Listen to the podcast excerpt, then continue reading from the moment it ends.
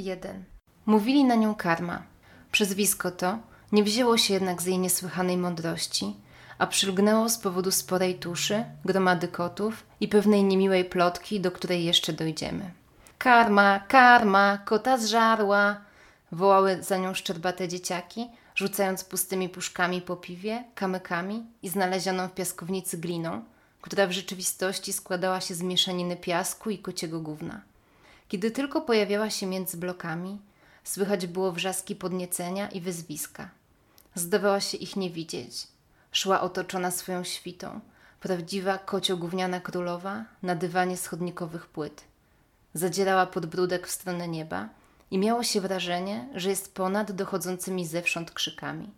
Nigdy się nie odganiała, nie skarżyła ich rodzicom, dawała milczące przyzwolenie na bycie upokarzaną. Dorośli przestali interweniować.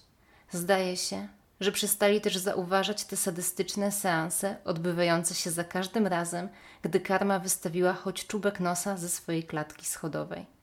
Mówiono, że jest chora psychicznie, że ma córkę, która się jej wyparła i że od kilkunastu lat żywi się tylko kocią karmą, która miała do reszty pomóc jej w straceniu zdrowego rozsądku. Podobno nocami, kiedy dokuczliwe dzieci spały, kręciła się za osiedlowym sklepikiem i dawała dupy okolicznym pijaczkom. Całkowicie za darmo. Wyobraża to sobie pani? Trzeba wstydu nie mieć. Spółdzielnia już dawno powinna wypowiedzieć jej to mieszkanie. Całkowicie się z panią Jadziu kochana zgadzam. Wysłałam już pismo w tej sprawie do prezydenta miasta i do księdza nawet. Podobno nie mogą. To socjalne mieszkanie, a ona bez dochodów. Do wariatkowa ją zamknąć. Tylko tam się nadaje. O, o wilku mowa. Zobaczy pani, tam idzie. Jak ona wygląda? Osiedle teraz takie ładne się zrobiło. Chodniczki, trawnik, plac zabaw postawili, a ona psuje całą naszą reputację. Straszydło. A ta jej córka? Podobno na ludzi wyszła. Była tu wczoraj. Słyszała pani? Nie, nie słyszałam. A skąd pani wie, że to ona? Pan Waldek mi mówił. Ale ja też ją tylko widziałam z daleka. Zastanawiałam się, co robi na naszym osiedlu. Taka wypindrzona, wypachniona, ale w oczach to samo. Mrok i szataństwo, mówię pani. Czego chciała? Może starą zabierze? Pytała pana Waldka, gdzie stara mieszka. Potem chwilę u niej była i wracała jakoś tak szybko. Podenerwowana była. Podobno to prawnik. To źle, pani Danusiu. Źle. Za nic nie da starej stąd wykurzyć. Będziemy się z nią męczyć, aż ją koty zjedzą, albo jej się żołądek od tego kociego żarcia wywróci na drugą stronę. Mówię pani, same kłopoty. Racja. Sodomia i Gomoria, westchnęła ciężko pani Danusia. Żeby nam na starość przyszło się zmagać z taką wariatką. Za jakie grzechy taka pokuta ciężka? A właśnie, była pani może na plebanii niedawno? Ksiądz mówił, że zdałoby się kościół na majowy przystroić. Może by takie bukiety? Nadzieja, bo tak miała na imię córka karmy, przyszła do mamy pierwszy raz od trzech lat. W międzyczasie zdążyła dwa razy wpaść w depresję, wyjść za mąż, rozwieść się i urodzić syna. Bolesław, bo tak miał na imię syn, był dzieckiem wyjątkowo brzydkim i chorobliwym. Jego skóra wcale nie była gładka ani różowa, jak większości dwulatków. Wydawał się być blado-zielonkawy. Całymi dniami siedział na podłodze w ciasnym mieszkaniu i bawił się znalezionymi w kuble śmieciami. Nadzieja na próżno próbowała oduczyć go tego nawyku. Nie pomagały kary ani kupowanie mu nowych, pięknych zabawek. Jedyne co działało, to zamykanie kuchni albo chowanie kubła gdzieś poza zasięgiem jego zimnych, wiecznie spoconych rączek. Bolesław siadał wtedy na podłodze i kiwał się w rytmie jakiejś tylko sobie znanej melodii aż z powrotem dostał kosz odnękanej wyrzutami sumienia matki. W chwili, gdy nadzieja zjawiła się u progu mieszkania karmy, była świeżo po odebraniu z poczty papierów rozwodowych i odwiedzinach u syna w szpitalu. Jednak przed próbą samobójczą, którą planowała niezwłocznie podjąć po powrocie z tej dziwnej wizyty.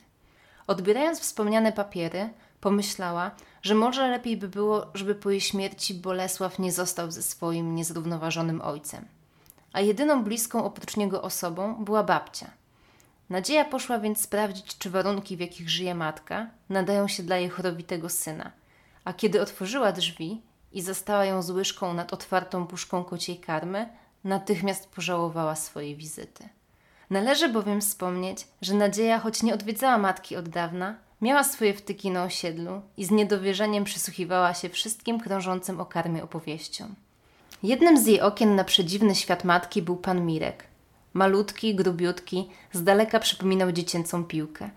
Zawsze koło południa wytaczał się na osiedle, wyprowadzając na smyczy swojego pieska, zadziwiająco podobnego do szczura. Robili wspólnie dwie ósemki, klucząc pośród bloków i zasięgając języka u wszystkich napotkanych osiedlowych plotkar. Pan Mirek nigdy nie komentował usłyszanych rewelacji.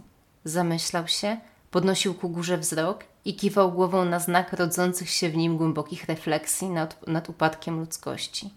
Pies pana Mirka, Ziutek, miał wtedy w zwyczaju obśkiwać klomby kwiatów i ujadać na wszystkie zbliżające się psy. Potem razem dumnie kończyli spacer. Tuż przed wejściem do klatki Ziutek srał, wybałuszając swoje czarne oczy. Wyglądał, jakby miał zaraz wybuchnąć albo wzdąć się niczym balonik i odlecieć w stronę nieba. Po chwili robił kupę, która wydawała się być większa od niego, a pan Mirek z kamienną twarzą podnosił majestatycznie kupę przez specjalnie do tego przeznaczoną siatkę z biedronki i wyrzucał do kosza. No, no, bardzo ładnie, chwalił Ziutka, głaszcząc jego małą głowę, po czym brał go pod pachę i zamykał się w mieszkaniu, by w spokoju odmówić kolejne tajemnice różańca w intencji zdemoralizowanych lokatorów. Przy czwartej, względnie piątej zdrowaśce zasypiał, bo choć o tym jeszcze nie wiedział, chorował na dość zaawansowaną cukrzycę.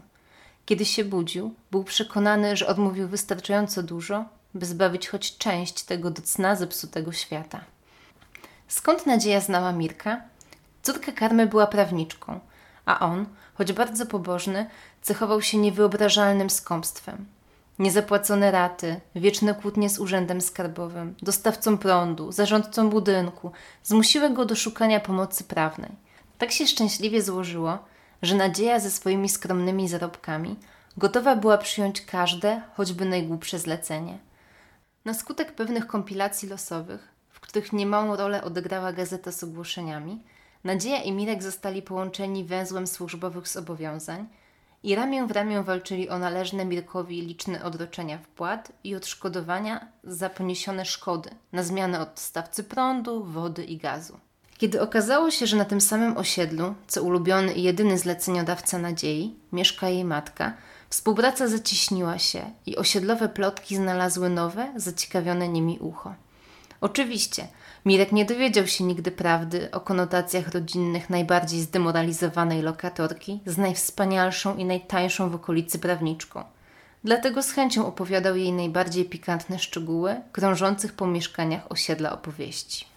Kiedy Nadzieja pojawiła się w drzwiach mieszkania matki, karma właśnie stała z łyżką nad otwartą puszką kociego żarcia. Starannie odliczała ilość, jaka miała trafić do postawionych przed nią misek. Ta matematyka wcale nie była pozbawiona sensu. Zasiłek, jaki dostawała, wystarczał jedynie na kilkanaście puszek na miesiąc, które trzeba było dobrze rozdysponować między głodną, plączącą się wokół jej stóp gromadę. Wbrew powszechnej opinii, sama raczyła się czym innym niż kocia karma. Niestety, znająca osiedlowe plotki nadzieja dała się nabrać i nie czekając na wyjaśnienia opuściła mieszkanie matki. Biednej karmie nie pozostało nic innego niż porzucić radość związaną z nieoczekiwanymi odwiedzinami córki i znów pogrążyć się w smutku. 2. Bolesław leżał w małym, odrapanym dziecięcym łóżeczku na drugim piętrze szpitala. Drogą eksperymentu odkrył, że paluszki idealnie nadają się do zdrapywania białej farby z metalowych prętów i wpychania jej sobie do buzi. Na tej zabawie upłynęło mu całe przedpołudnie. To, że mama nie przychodziła, nie było dla niego jakimś większym problemem, ponieważ bardzo lubił pobyty w szpitalu. Podobał mu się zapach tego miejsca ostry, chemiczny, wywiercający się w nozdrza. Bolesław był też zafascynowany tutejszymi odgłosami. Wytężał słuch, wyłapując wszelkie chrząknięcia, kaszlnięcia, stęknięcia, zgrzyty łóżek, westchnienia zmęczonych pielęgniarek, charakterystyczne skrzypienie wózków inwalidzkich. Odgłosy te nie ustawały nawet w nocy, więc starał się jak mógł, żeby nie zasnąć i jak najdłużej móc zanurzać się w fascynujący świat dźwięków. Obrazy, odgłosy, zapachy, smak farby z łóżeczka, szpitalna rzeczywistość była rajem dla jego zmysłów. Dokuczały mu tylko te plastikowe, cienkie rurki, które przypinano mu do zgięcia rączek. Nie dość, że samo ich zakładanie niemiłosiernie go bolało, to jeszcze czuł się jak na smyczy, co róż się w niej zaplątywał i musiał sygnalizować to pielęgniarkom głośnym krzykiem. Najgorsze było to, że nigdy nie wiedział, która z nich akurat przyjdzie. Zazwyczaj na oddziale pracowały trzy. Pierwszej się bał. Śmierdziała tak nieprzyjemnie, że aż marszczył z obrzydzeniem swój mały nosek. Pewnego dnia zdobył się na odwagę, by powiedzieć jej, że wali jak kocia kuweta. Stanął więc niepewnie przy barierkach łóżeczka, podniósł wysoko główkę i pewnym siebie głosikiem wygarnął jej prosto w twarz, co zamiast spowodować obrazę, sprawiło tylko, że gruba śmierdziucha zaniosła się doniosłym śmiechem. Śmieszne są te bachory powiedziała do drugiej pielęgniarki, nie przestając rechotać jak wielka, obślizgła żaba. Jedziesz, rakieta! Do mnie powiedział. Jakby wiedział, co to znaczy. Oj, będę jak rakieta, tylko w piątek po pracy, maleńki. Po czym poczuchrała go wielką dłonią po lichych włosach i wyraźnie uradowana odeszła znęcać się nad innymi dziećmi. Tej siostry Bolesław szczerze nie znosił. Pobyty w szpitalu osładzała mu obecność pielęgniarki numer dwa – Osładzała to za mało powiedziane. Kiedy tylko przekraczała próg sali, jego małe serduszko zaczynało pompować krew o wiele szybciej niż na co dzień. Na bladą buzię wstępowały rumieńce, a usta układały się w szczery, szczerbaty uśmiech. Siostra Anastazja była uosobieniem anioła. Miała piękne, złote loki i niebieskie oczy i długie rzęsy, którymi trzepotała zalotnie, pochylając się nad łóżeczkiem. Skąd wiedział, jak miała na imię? To było oczywiste, że musi się nazywać jak księżniczka, a jedynym imieniem godnym księżniczki było właśnie Anastazja. Kiedy tylko jej słodko-różany zapach dolatywał do jego małego noska, podnosił się i wołał Azia, Azia, a ona zawsze przychodziła uraczyć go swoim magicznym, kojącym wszelki ból uśmiechem. Bolesław nigdy nikomu tego nie powiedział, co swoją drogą i tak byłoby trudne, zważywszy na jego ciężką umowę, ale zakochał się w siostrze Anastazji. Nocami śniło mu się, że jest jego mamusią i co wieczór przychodzi ułożyć go do snu. W te noce pielęgniarki podczas nocnego obchodu zatrzymywały się przy nim i wzdychały. Śpi jak aniołek. A jaką ma pogodną buźkę. Musi mu się co ładnego śnić. Słodki jest, kiedy tak się uśmiecha. Prawdą jest, że Bolesław z chęcią zamieniłby mamusię na siostrę Anastazję. Mama mu się nie podobała. Była wiecznie zmęczona, ubrana na ciemno, a przede wszystkim zabierała mu kosz i wciskała do uszu te okropne patyczki do czyszczenia. Prawdziwe katusze przeżywał jednak, gdy podczas nocnej wizyty ukochanej pielęgniarki do sali wślizgiwał się lekarz. Zamykał cicho drzwi i kładł rękę na jej pupie. Jak on w ogóle mógł? W chłopcu gotowało się oburzenie, ale bał się krzyczeć, bo wtedy budziły się inne dzieci i zaczynały strasznie hałasować. Patrzył przerażonymi oczkami, jak ręka doktora schodzi coraz niżej, a Anastazja zanosi się nerwowym chichotem. Oj, przestań, przestań, mówiła bez przekonania. Ktoś tu może wejść, ktoś może zobaczyć. Rozejrzyj się. Grzeczne dzieci śpią o tej porze. Mówił, wsadzając swoją wielką łapę pod jej bluzkę i miętosząc ją niczym pluszową zabawkę. Ale ja nie jestem grzeczna, Bolesław z całych sił przyciskał swoje małe piąstki do uszu. Nie chciał tego słyszeć. Nie chciał, żeby ten paskudny doktor krzywdził jego ukochaną siostrę. Przecież słyszał, jak wzdychała. Na pewno ją boli. Każdego by bolało, gdyby ktoś go tak ugniatał. Nie mógł zrozumieć, dlaczego Azia nie ucieka. Może się boi? Nie można pozwolić, żeby ktoś robił jej krzywdę. Po kilkuminutowej walce ze sobą, mały zanosił się głośnym krzykiem. Pielęgniarka i lekarz podskakiwali jak oparzeni.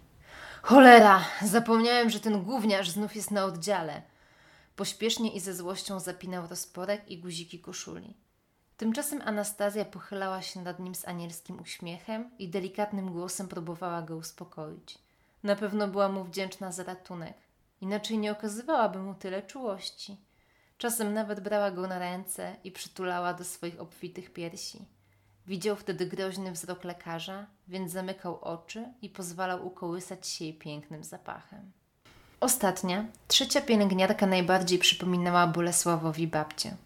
Nie było to uzasadnione podobieństwo, ponieważ mały nigdy nie poznał żadnej ze swoich babci. Ta od strony taty nie żyła, a do drugiej mamusia nigdy nie chciała go zabrać. Wiedział jednak z telewizji, jak powinny wyglądać babcie, i siostra numer trzy idealnie spełniała wszystkie związane z tym wymagania. Miała krótkie, białe włosy, które przypominały sierść baranka. Dwa albo trzy razy udało mu się niepostrzeżenie za nie złapać i tylko upewnił się w przekonaniu, że są miłe i mięciutkie. Busia, bo tak nazywał pielęgniarkę, miała twarz pomarszczoną jak paluszki po długiej kąpieli. Znał dobrze wygląd takich paluszków, bo mama często wkładała go do wanny, po czym zapominała o nim patrząc w ekran komputera. Kiedy przypomniało jej się, że Bolesław od ponad godziny siedzi w wannie, przybiegała zdenerwowana i mruczała pod nosem, wycierając go w szorstki ręcznik. Głupi dzieciak! Trzeba było krzyczeć, że ci zimno. Znowu będziesz chory. Potem lekarze, zastrzyki, zwolnienia. Trzeba krzyczeć, jak ci zimno. Mama ma za dużo na głowie, żeby cały czas o tobie pamiętać. Chłopiec zastanawiał się, dlaczego starzy ludzie mają takie pomarszczone twarze. Może muszą je na noc moczyć w wodzie? Busia przypominała mu suszoną śliwkę i podobnie też pachniała. Owocowo, słodko, dusząco, jak świeżo przygotowany kompot. Jako jedyna z pielęgniarek potrafiła usiąść wieczorem w sali i czytać dzieciom bajki. Nawet ten płaczący głupek w łóżeczku obok potrafił się wtedy na chwilę zamknąć. Całe dnie krzyczał: Mama! Mama! Jakby mu mama była do czegoś potrzebna. Bolesław tego nie rozumiał. Przecież w szpitalu było całkiem przyjemnie, a jak przyszła Busia albo Anastazja, to już w ogóle. Tego dnia, kiedy Nadzieja po raz pierwszy wybrała się w odwiedziny do karmy, Bolesława odwiedził ojciec. No co, mały? zagaił od wejścia. Dawnośmy się nie widzieli, ale urosłeś. Było to oczywistą bzdurą bo nawet lekarz rodzinny wyrażał znaczny niepokój wątłą sylwetką Bolesława. Tata? odpowiedział syn z niemałym zdziwieniem. Nie widział go już od jakiegoś miesiąca, co w umyśle dziecka jawi się jako cała wieczność. Przyniosłem ci wóz strażacki, powiedział Antoni Pszczółka, ojciec pszczółki Bolesława z wyraźną dumą w głosie. Wóz lśnił majestatycznie w promieniach słońca, wpadającego nieśmiało do sali przez brudne szpitalne szyby. Był duży, czerwony, ze srebrnymi rurami i prawdziwym strażackim wyposażeniem. Wszyscy chłopcy znajdujący się w sali wytknęli zasmarkane nosy przez pręty łóżeczek, przyglądając się temu niezwykłemu prezentowi. Kto by nie chciał takiego wozu? Leżący w kącie Krzyś co roku pisał do świętego Mikołaja list, w którym prosił o taki prezent. Jednak Bolesław jedynie omiódł wzrokiem wóz. Tata wcale nie znał się na fajnych zabawkach. Co można robić czymś takim? Jeździć w tej we w te? Nuda. Gdyby jeszcze jakaś prawdziwa woda, prawdziwy ogień. A tak? Nie podoba ci się? No synuś, na pewno ci się spodoba, jak to spakujesz. Antoni szarpał się nieudolnie z kartonem. Prawdą jest, że zabawki dla dzieci niejednokrotnie są lepiej zabezpieczone niż bankowe sejfy. Była mama u ciebie? Była, Boluś? Mhm. Małego denerwowało to, że ojciec zawsze chciał z nim rozmawiać, jakby był jednym z tych nudnych dorosłych. Zadawał pytania, zagadywał, żartował i wcale nie zrażał go brak odpowiedzi. Stara wariatka, chciała, żebym stracił do ciebie prawa. Mówię w tym sądzie, mogę nerkę oddać, samochód mogę, mieszkanie, ale syna nie. Wiesz, ale pieniądze to by chciała. Jakie sobie alimenty zażyczyła. Tu aż z krzesła prawie spadłem. No mówię ci, Boluś, jakbyś w złoty nocnik musiał srać. Takie pieniądze. Z wejściem do sali siostry Anastazji monolog ojca stawał się coraz mniej składny. Antoni motał się, zacinał i zamiast patrzeć na syna, wzrok uciekał mu w kierunku młodej pielęgniarki. Ech, szkoda gadać, mały, szkoda gadać. Zakończył i odwrócił głowę, podziwiając, jak siostra nachyla się do łóżeczka pod ścianą. Chrząknął. Jak tam mój pierworodny się sprawuje? Anastazja uraczyła go jednym z kolekcji czarujących uśmiechów. Jest bardzo grzeczny, panie Antoni. Jak zawsze, złote dziecko, tylko takie chorowite. Już się chyba obyło ze szpitalem. Jutro żona będzie mogła go zabrać. Była żona, odpowiedział Antoni, podkreślając słowo była. Och, nie wiedziałam, przykro mi, odpowiedziała spyszona siostra. A mi nie, rezolutnie zareagował ojciec, powodując u Anastazji nerwowy uśmiech i rozlanie się rumieńców. Siostra taka dobra dla mojego syna. Może dałaby się któregoś dnia zaprosić na kawę. Wypadałoby podziękować za opiekę nad oczkiem w głowie tatusia. A, to nie ma za co dziękować. To moja praca, a opieka nad pańskim synem to wyjątkowa przyjemność. Kolejny uśmiech i pospieszne opuszczenie sali przez Anastazję uratowało gęstniejącą jak kożuch na mleku atmosferę. Ech, dziewczyna jak malina, Boluś, westchnął rozmarzony ojciec. Pamiętaj, jak żony będziesz szukał, to właśnie takiej. Ładna, uczynna, pracowita, a nie taka wywłoka jak twoja matka. Poklepał syna po głowie i wstał. No, będę leciał. Trzymaj się, młody. E, a wóz ci mama pomoże rozpakować, bo to cholerstwo jakieś te kartony. No, papa. I już go nie było. Przez otwarte drzwi Bolesław widział jeszcze, jak ojciec nieudolnie próbuje poderwać siostrę Anastazję. Pręży się, prostuje, kręci wąsa i zanosi tubalnym śmiechem. Wszystko to na nic. Pielęgniarka pozostała niewzruszona. Powieki zaczynały mu lecieć na oczy. Nie spał wszakże północy, pilnując siostry i lekarza. Słodki, niewinny, dziecięcy sen zdawał się opadać na ciało małego chłopca.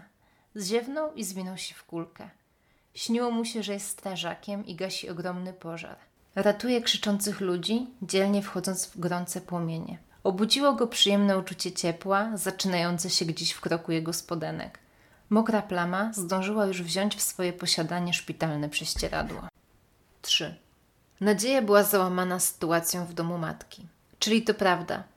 Ta stara wariatka zrobiła ze swojego mieszkania schronisko i żywiła się kocią karmą. Przecież nie może z nią zostawić syna. Mały co najmniej raz na kwartał ląduje w szpitalu. Musi mieć odpowiednią dietę, dobre warunki. Nie ma szans, żeby zamieszkał u jej matki. Resztę rozsądku przecież ma. Nie może się zabić, dopóki nie znajdzie Bolesławowi odpowiedniej opieki. Gdyby osierociła go teraz, to jeszcze sąd byłby skłonny oddać go ojcu, a na to już w ogóle nie może pozwolić. Wyciągnęła ze zmiętej paczki cienkiego papierosa. Nie smakowały jej te cienkie. Były słabe i mentolowe, ale pasowały do wizerunku kobiety biznesu, wziętej pani prawnik, jak ta sprawa Agaty. Też miała krzywy nos, ale nikomu to nie przeszkadzało, bo z daleka biło od niej profesjonalizmem. Nadzieja bardzo starała się przywiązywać wagę do swojego wizerunku. Co tydzień kosmetyczka, co miesiąc fryzjer, nowe garsonki, wypastowane buty, jednak na niewiele jej się to zdało. Po studiach nie zdała na aplikację. Nie mogła więc liczyć na zatrudnienie w żadnej poważnej kancelarii. Pisała porady prawne dla regionalnej gazety i za niewielkie pieniądze zajmowała się doradztwem prawnym dla takich klientów jak pan Mirek. W redakcji nie byli zadowoleni z jej pracy, bo wciąż zawalała terminy, brała zwolnienia, a to Bolesław w szpitalu, a to nawrót depresji, a to rozwód. Życie zdecydowanie jej nie rozpieszczało, czego nie mógł zrozumieć jej szef. Papieros skończył się, a ona nawet nie zdążyła go poczuć. Wyciągnęła więc następnego. Cienkie zawsze paliła dwa i zaczęła szukać jakiegoś planu awaryjnego. Pszczółka. Antoni Pszczółka. Co to była za porażka? I jeszcze Bolesławowi zostało to parszywe nazwisko. Jak to w ogóle brzmi? Bolesław Pszczółka? Śmiesznie, niepoważnie, idiotycznie. Kto weźmie jej syna na serio, kiedy będzie nosił takie kretyńskie nazwisko? Zdecydowanie nie może go zostawić na świecie z takim bagażem. Muszę zostawić mu mieszkanie, perspektywy i porządne nazwisko, postanowiła Nadzieja, odkładając swój samobójczy plan na bliżej nieokreśloną przyszłość. W międzyczasie zdążyła wejść do mieszkania. Śmierdziało w nim wilgocią, jak zawsze, kiedy zamykało się na kilka godzin okna. Zdjęła eleganckie czułenka, zsunęła z siebie przyciasną spódnicę i rozpięła żakiet. Nie będzie dziś szła do syna. Była rano, a mały nawet nie potrafi okazać wdzięczności. Że też takie kaprawe dziecko jej się trafiło. Jej, pani prawnik, taka kula u nogi ciągnąca na sam dół. Wielokrotnie nie miała już do niego cierpliwości. Kiedy była w ciąży, czytała te wszystkie gazety, które znosił jej Antoni. Mamo to ja, supermama, dziecko.